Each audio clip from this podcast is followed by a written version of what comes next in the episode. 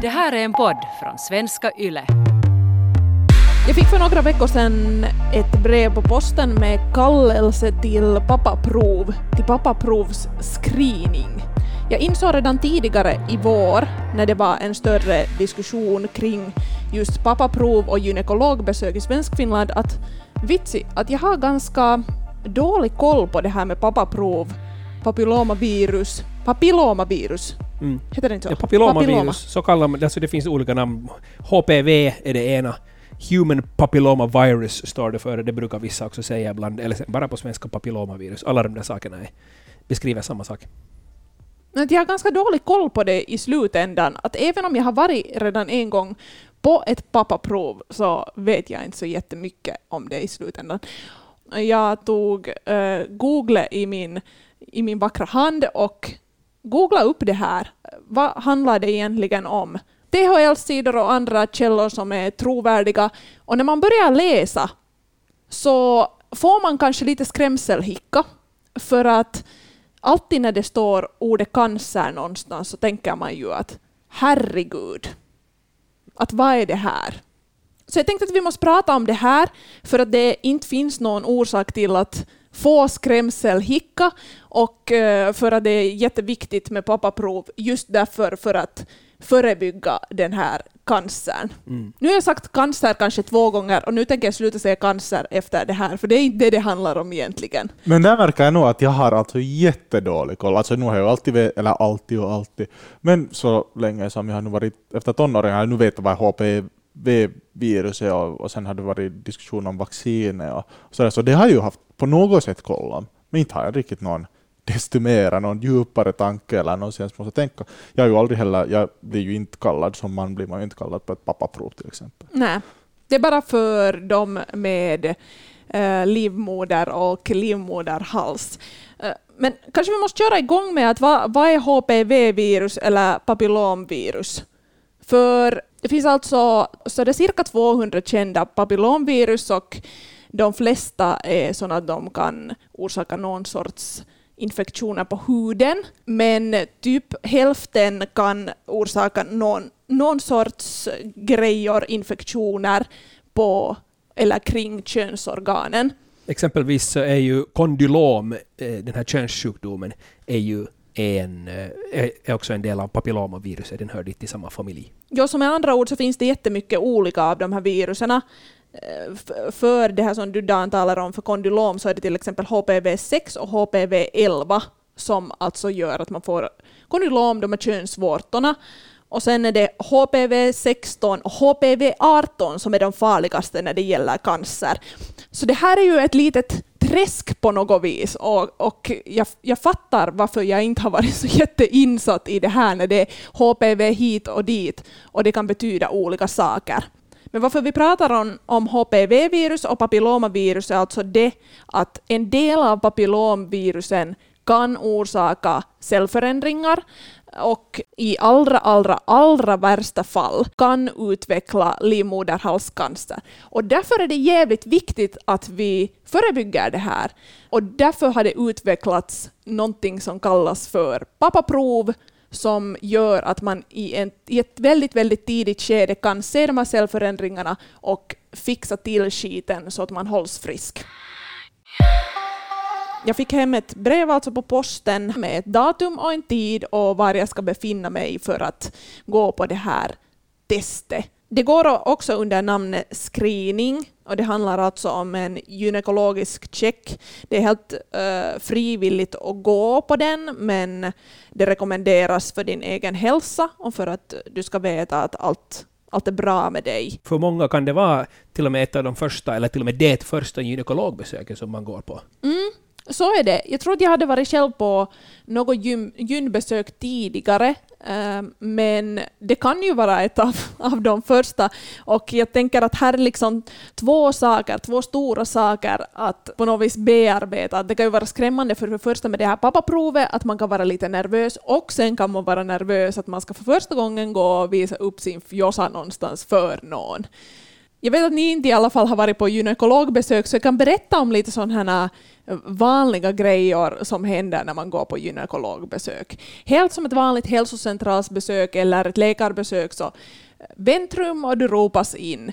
Och eh, så får du snacka med skötaren en stund och ofta så säger skötaren sen att okej, okay, nu kan du, du kan gå där bakom skynke, ibland finns det ett provrum eh, liksom där du kan klä av dig kläderna. Eh, och redan det är ju en lite så spännande situation för att snart ska du stå där med fittan framför den andras face, liksom riktigt fast i den andras face, men du måste ändå gå och klä av dig i ett avskilt rum. Så det har alltid känts för mig så det är jävligt konstigt att sen, sen så kommer du därifrån och ofta så har du på dig ibland en t-skjorta, kanske ännu värre om du har en tröja nu när det börjar vara lite kallt ute och så har du inga underbyxor och inga byxor på dig. Ibland funderar jag också där att ska jag liksom ta av mig strumporna eller inte? Liksom att va, hur ska jag känna mig mest bekväm? Det, det är en konstig situation men inte vet jag, där är vi alla och det kan vara lite kallt i de där rummen och så håll tröjorna på bara och gå som Kalle Anka till, till britsen. Vid britsen finns det alltså mm, sådana här fotstöd för fötterna där du ska sätta dina hälar och sen så nästan varje gång om man är som första om man är på sitt första gynbesök så ber de en komma lite närmare. Jag har sett en massa sådana här giffar och och memes om det här att kom lite närmare, kom lite närmare, kom ja. lite närmare, rumpan neråt, rumpan neråt. För grejen är ju så att man skulle ju gärna liksom lägga sig på den där britsen, så det som man ju normalt gör med benen ganska raka. Men nej, det ska man ju inte. Man ska ha benen och knäna nästan ända upp till öronen så att de kommer åt ens fitta på allra bästa möjliga sätt. Och eftersom jag har varit till gynekologen några gånger under mitt liv så har jag i något skede bestämt mig för att när fan, jag sätter nu reven så långt ner att de inte behöver säga att kom lite närmare och närmare. Så det kan också gå åt det hållet man nästan slintar ner där, för det finns en sån här liten C-formad inbuktning i den där uh, själva britsen, så fall inte ner heller. Har de sagt åt dig någon gång bara wow, fall lite längre bort, kom inte så nära? nej, nej, men jag nästan halkade ner med reven själv en varm sommar där när jag var lite svettig, så akta er för det också. Man kan ju vara helt skitnervös när man går dit. Som för vilket annat läkarbesök som helst så kan man ju vara helt skitnervös. Då lönar det sig att säga det på förhand. När du kommer in och ni pratar så säger du redan att, att vitsi, att jag är ganska nervös för det här besöket, jag har aldrig varit tidigare, eller fast du skulle ha varit tio gånger tidigare och är nervös, så säger du att jag är jättenervös idag. Uh, att jag vet inte riktigt hur det ska kännas. Och kanske också be den där läkaren eller skötaren att berätta för dig helt och hållet vad som ska hända i vilken stund och vad den tar fram för olika redskap och vad den tänker göra med dem. Uh, om det är någonting i undersökningen som kommer att kännas på något visst sätt så kanske att liksom prata om det i förhand och att bli förvarnad. Sen använder jag mig ganska ofta av eh, alltså djupandning. Alltså Eh, ofta när man blir nervös så börjar man så här ut, ytligt andas och med djupandning så varvar man ner eh, hela liksom nervsystemet och annars också att om det är någonting som kanske gör lite ont eller knipsar till någonstans eller något liknande mm, så går det enklare att liksom lugna ner sig och varva ner sig och då, då spänner du inte dig i alla fall. För att alla vet som har en fitta att spänner man mitt i allt sig så spänner man också bäckenbotten och då är det nog jävligt svårt att göra en undersökning när man är helt ihoptryckt. Skulle man kunna jämföra det här pappaprovet nästan lite med ett coronatest? För att i coronatestet mm. då sticker man ju in någonting i näsan och det gör man ju förstås inte under pappaprovet. Men det ska in en liten sån där no, när det är coronatest så är det en sån bomullstuss, men, men pappaprovet är väl lite mer en sån här borste som de sticker in och sen som de snurrar runt lite så här för att få bort lite celler från livmoderhalsen och sen tar de ut den igen. Ja, det används alltså tre olika instrument då när man ska göra det här pappaprovet och en av dem är just den här mascaraborsten som du snackar om. Eh, de som någon gång har sminkat sig så kan tänka sig en så här liten eh, Nej men nu vet man ju mascaraborsten. Mm. Alla vet mascaraborsten. Ni, vet du också Mattias mascaraborsten? Jo, jag vet vad mascaraborsten är. Jag bort Kanske jag måste förklara det. en sten. Okej, okay, men bra. Nej, men det är nu inte mascaraborsten som man börjar att tråka in på något sätt, utan först har man någonting som oftast kallas för anknäbben. Den kan vara antingen i plast eller i eh, metall. När jag pratade med en kompis och liksom förklarade den här grejen eh, för, eh, för honom så, så frågade jag att, att, att vet du vad en anknäbb är? Och då sa, sa han att jo, jag har sett på sån här fetischporr att, att, han, att, han, att han vet nog exakt. Vet ni vad jag snackar om? Jo, jag vet, vad det, jag vet vad du menar. Inte från fetischporr, men från en alldeles fantastisk YouTube-video som heter Vad gör gynekologen? som undertecknade varit med och gjort, eh, där vi går på ett gynekologtest. Den rekommenderar jag, för där ser man också alla de här instrumenten. Och den här används alltså därför för att för att uh, ha utrymme att undersöka helt enkelt. När man ser bilder så där på fitt fittan. Ni kan gå in på Yle Extrem 6 och kolla på anatomi av fittan nu medan ni lyssnar på det här till exempel, bara för att förstå bättre om ni inte vet var olika delar av fittan sitter. Så ofta så ritas liksom slidan som en gång, en tunnel, men den är ju inte liksom så, så där i normalläge, utan därför använder man den anknäbben för att föra in och för att göra den lite mer tunnellik, för att slidväggarna är ju annars så här ihop hela tiden.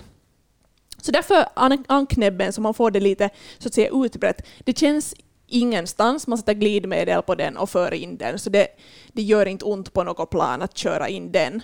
Jag har hört att speciellt den som är gjord av metall kan vara lite kall ibland. Är det så? Mm, no, det är nog sant. Men inte gör det ju ont det heller. Men...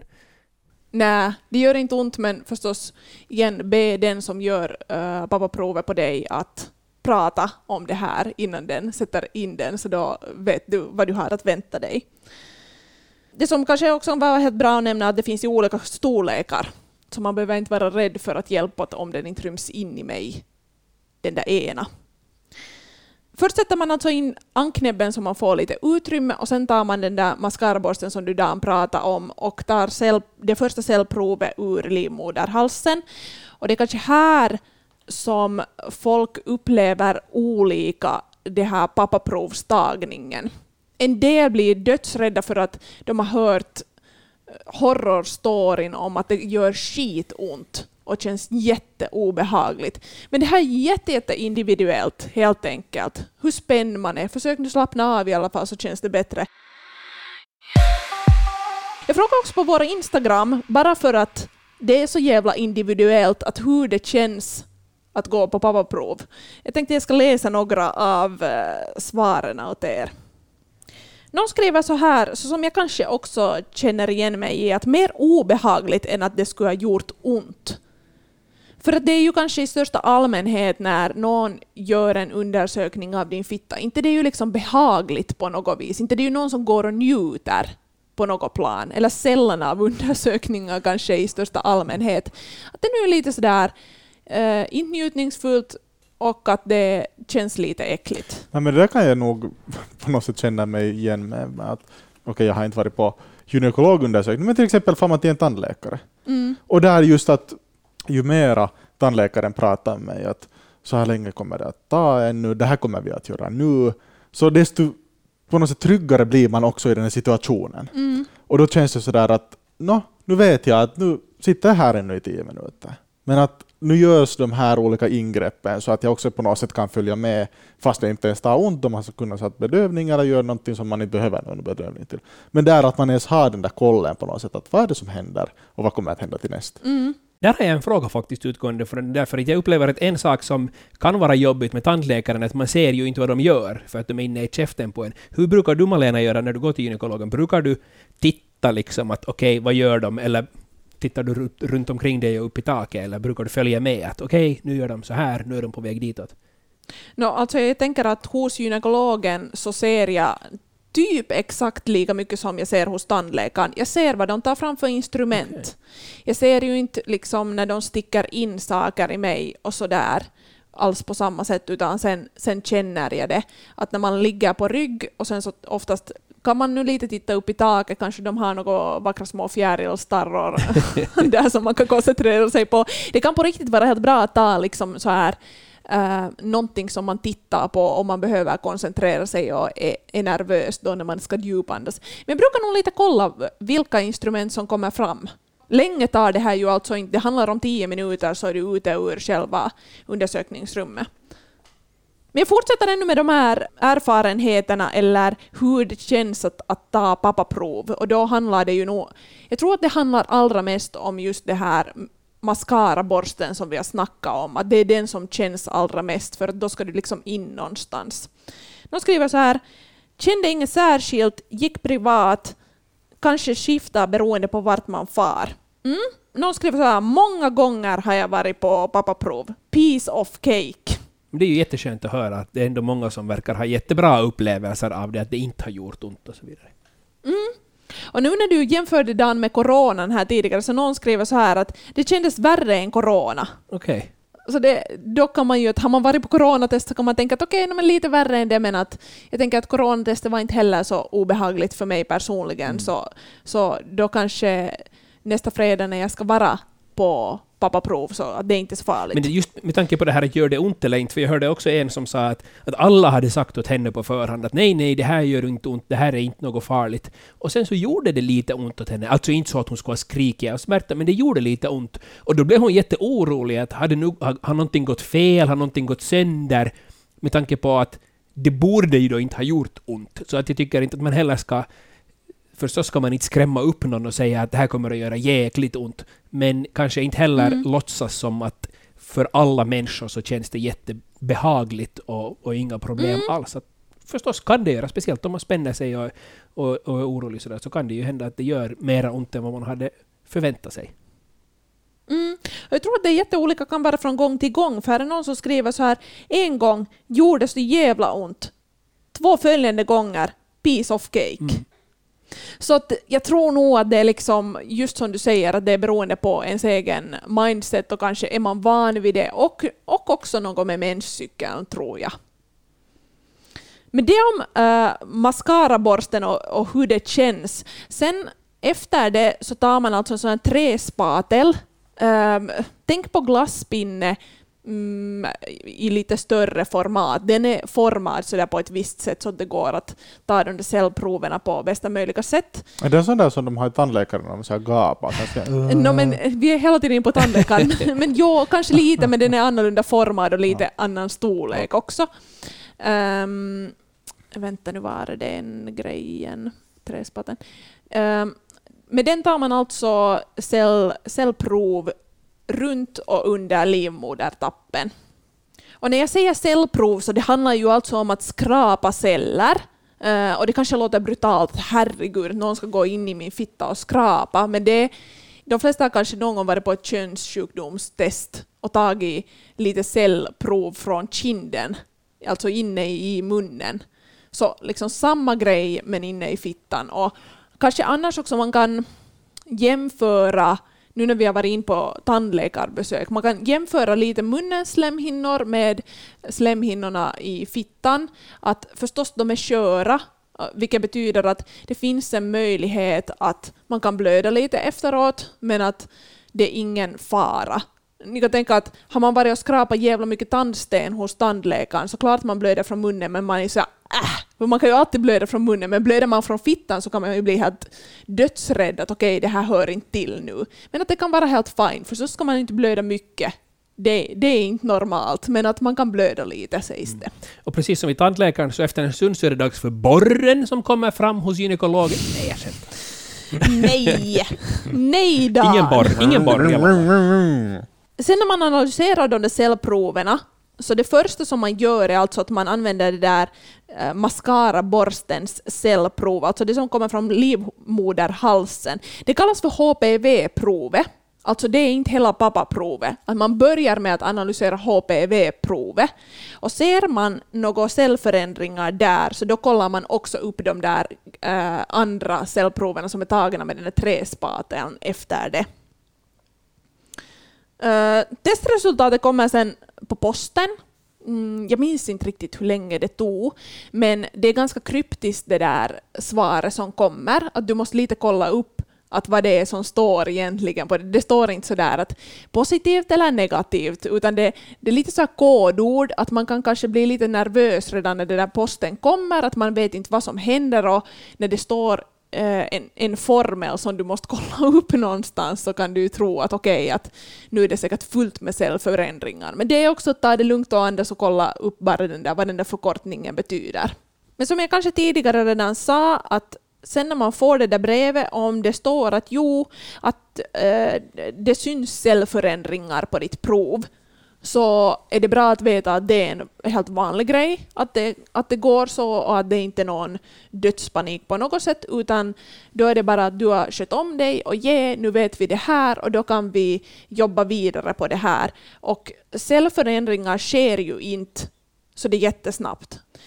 Det finns alltså både godartade och elakartade cellförändringar och har du en godartad cellförändring så betyder det att följande gång som du får kallelse till pappaprov är ungefär om två år.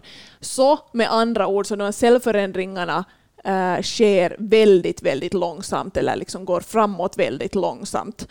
Mm, om det igen är så att du har en eh, äh, elakartad cellförändring så får du troligen kallelse till följande prov lite snabbare. Det här beror helt på eh, vad, vad som händer i, i dig just då, men det är igen ingen häta. Det är ingen fara, man behöver inte panikera fast det låter sådär att elakartad och herregud. Mm. Tvärtom så är det ju en positiv sak att du vet om att du har det här. Och i Finland så görs det ungefär 3000 sådana kirurgiska ingrepp där man då rättar till och fixar sådana förstadier till livmoderhalscancer, alltså varje år. Så det är ju snabbt räknat flera stycken per dag som görs. Så att du är definitivt inte ensam med att få ett sånt här positivt resultat om det är ett sånt som kommer. Och sen är det ett kirurgiskt ingrepp som, som rättar till det där om det behövs. Mm. Ja, jag pratade här nyligen med en kvinna som då hade äh, fått svar från sitt pappaprov och fått ett svar att hon hade elakartade cellförändringar. Um, och fick gå då och eh, kolla upp det här sen på nytt efter en, efter en tid. Och då hade de tagit en provbit från livmoderhalsen så att de enkelt hade kunnat liksom lokalisera området där cellförändringarna fanns. Så hade de analyserat den och så hade hon fått gå efter det på en så, här så kallad loopbehandling. Alltså att de sätter en ögla på en bit av livmoderhalsen eh, och så bränner de bort det. Och eh, efter det så hade allt varit så bra som det bara kan vara. Så med andra ord så det förekommer alltså inte mer någon dödlighet eftersom vi har de här pappaproverna. Och ju flera och ju mera man går på dem så desto säkrare kan man vara att man är frisk och på riktigt mår bra. Vi har förstått att det ändå är ganska många som väljer att inte gå på de här pappaproven eller i alla fall att det skulle kunna vara mycket flera som väljer att gå dit på det. Kan det vara det att man är mera rädd för, för vad svaret därifrån ska vara än vad man är mån om att faktiskt få reda på att har man de här förändringarna? Jag tror det. Jag tror kanske i största allmänhet att så här att gå till läkare och uh, att det är en det är tröskel att göra det, för att det är lite skrämmande i liksom hela den där situationen och just det där att man hellre går omkring Lika som vi pratade i könssjukdomsavsnittet, att man går hellre omkring med den här könssjukdomen än att man kollar upp och fattar att man har den och behandlar den, för att det är så skrämmande den där tanken att tänk om jag har någonting. Men det, det är inte en dödsdom, inte, inte, inte med en könssjukdom och, och inte med de här cellförändringarna heller, utan det handlar om att uh, fixa bort dem i snabb takt, liksom, eller att märka dem i ett tidigt skede, så då är det ingenting att oroa sig över. Sen om man inte går på pappaprov och, och det blir liksom cellförändringar som, som är elakartade och som mitt i allt uh, tar fart, så då blir det ju farligt. Och sen är det säkert också ganska mycket handlar om lättja. Att, no, men jag fick den här kallelsen, jag är 30, men jag har ju faktiskt inbokad kaffedate med Kerstin då klockan fem och det här skulle vara klockan tre, men, men jag orkar nu inte ha kontakt och säga så jag bara, jag far inte. Jag tror också det där är sant, plus att sen när man är ganska ung så är man ju, alltså på något plan så tänker man ju att det inte händer det ju mig någonting. Liksom en sån Ja, man är lite odödlig på något ja, vis. Både odödlig och också att inte får jag ännu några cellförändringar, jag inte. Bara en sån mm. tanke. Men att vi är alla levande varelser och det lönar sig bara att uh, fixa sin skit. Alltså det är ju en jätteskön känsla, alla vet det därför alla har varit till tandläkaren. Att man skjuter upp och skjuter upp och skjuter upp för att det är inte så trevligt att gå till tandläkaren. Men sen när du har varit där fan hos tandläkaren så vits är det en skön känsla. Finns det några olika så här lätta sätt att till exempel då förebygga så att man inte skulle få de här HPV-viruset i sig? Nå, I alla fall så sägs det nu att, att 70 procent eh, av smittan kan förhindras med, med, med kondom. Så det kan ju vara en bra grej. Det smittar alltså från sl- slemhinna till slemhinna, också från huden kring könsorganen så kan eh, HPV-viruset smitta. Så om man vill vara riktigt på det säkra så då är det att använda kondom. Som Ja. vanligt, alltså allting i sex ungefär, så sätt du kondomen på för säkerhets skull. Mm. Och det som är jobbigt med den där HPV, just med tanke på det här med kondomanvändning, så är det att, att eh, killar och karlar kan alltså bära omkring på det precis lika vanligt att killar har det, men symptomen syns inte hos killar, eller man kan inte hitta det här förstadiet. Så på samma sätt som man kan hitta cellförändringsförstadiet hos tjejer, så hittar man det inte hos killar. Så killar är egentligen ganska långt bara bärare av det här viruset och smittar det vidare, eller ger det vidare till sina sexkumpaner om man inte är försiktig, utan att själv egentligen lida jättemycket av att ha det. Men sen så finns det ju också HPV-vaccinet. Först börjar man ge det till flickor och eh, nu sen, var det hösten 2020, så det här hösten så har man också pojkar också i i skolåldern börjat få det här vaccinet. Mm. Ganska unga tjejer får det. Flickor i åldern 10 till 12 har fått vaccinet gratis. Men skulle du Mattias ta det där nu med tanke på att, att även om du har HPV-viruset, de här som kan orsaka hemskheter, så, så även om du har det så är det ganska liten risk att du skulle få någonting av det. Skulle du ändå kunna tänka dig att ta det där HPV-vaccinet just för att inte smitta vidare till eventuella sexpartners du har? Jag tänkte på det här, så här tidigare och sen läste jag mig in lite på den här grejen. Så att om jag skulle vara i skolåldern nu, om jag skulle vara där i högstadiet och man skulle erbjuda det här vaccinet, så då skulle jag såklart ta det. Men Mm. om du redan har fått smitta, så hjälper inte vi, alltså det här vaccinet då mera. Och det börjar effekten på hur mycket det här vaccinet hjälper försvinner ganska mycket när man blir äldre. Och jag läste från THLs sidor att, att effekten om du tar det här vaccinet som 30-åring så finns det inte i princip någon effekt för då har man fått ungefär den mängden HPV-virus i sig som man då får vanligtvis under en livstid. Mm. För jag börjar också fundera, liksom, eftersom det sägs sådär att okej, det här är det bästa skyddet mot smittan, så börjar jag fundera också sådär att eh, hjälp, att okej, vi som inte har fått det här vaccinet, att borde vi liksom börja vaccinera oss eller behöver vi vara liksom dödsrädda nu? Men det behöver vi ju Nej. alltså inte. Nej, det behöver man ju inte vara. Men, och sen så, så kostar det ganska mycket att ta det här vaccinet i efterhand. Men vi kan ju ändå upprepa det att de som erbjuds det alltså i högstadiet, så de får det gratis. De behöver inte betala 600 euro för att få det. Malena, du sa att du har fått den här kallelsen och att du först när du började googla om det så var det sådär att what, det här är ju livsfarligt. Japp. Eh, alltså hela viruset och så vidare. Men nu när du har läst in lite mer på det, hur, hur rädd och ängslig är du nu i det här skedet för att fara på ditt test? Alltså jag är ju inte alls rädd och ängslig för att fara på mitt test. Inte alls. Eh, kanske också för att jag har varit tidigare men att jag trodde du skulle fråga att jag är rädd och ängslig för uh, hela den här smittan och så här. Nå, inte är det heller. Därför för att jag tänker att det är pappaprovet att om jag, om jag sköter mig själv och tar emot det som erbjuds så är jag jätte, jätte safe. Mm. Nu finns det en skillnad på hur rädd och ängslig du var då, för fem år sedan och nu. Hur känner du sådär en skillnad uh, efter fem år? No, alltså jag, jag, jag tror att jag, eh, förra gången jag var så levde jag i en ovetskap om jättemycket med HPV-virus och äh, livmoderhalscancer. Jag visste sådär lite åt, åt något håll, men att jag kanske mm, mera blunda. Och jag tror att kanske jag för tillfället är mera insatt och kan vara ännu mer lugn än då. Det tror jag. Men man kan också välja att blunda. men det är nog inte något att rekommendera. Ignorance is bliss brukar Yes. de ju säga. Att så länge man inte vet om det så behöver man inte oroa sig. Men, men kanske du hade en liten stund däremellan då, så från det att du var ignorant om det här och inte hade koll, så under en, en liten stund medan du sen började läsa in dig på det här så blev det mer sådär att wow, det här är på riktigt en thing. Mm, ja, absolut. På, på många, många sätt. Och som jag sa så kanske jag blev till en början lite så här rädd och började tänka att hjälp, att varför har jag inte fått det här jävla vaccinet och kommer jag att eh, liksom måste drabbas av någonting och gå på jättemånga olika läkarbesök här nu, gynekologbesök.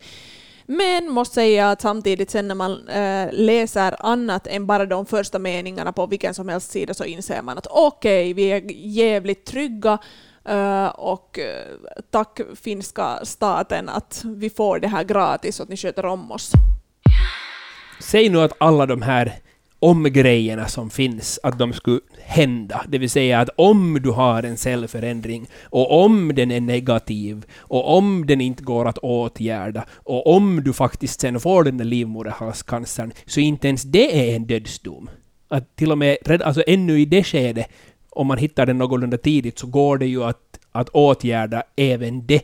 Så att nu, ska, nu vill vi inte heller göra någon sån här propagandagrej om att du måste hitta den före den blir cancer, för sen när du väl får cancer så då dör du.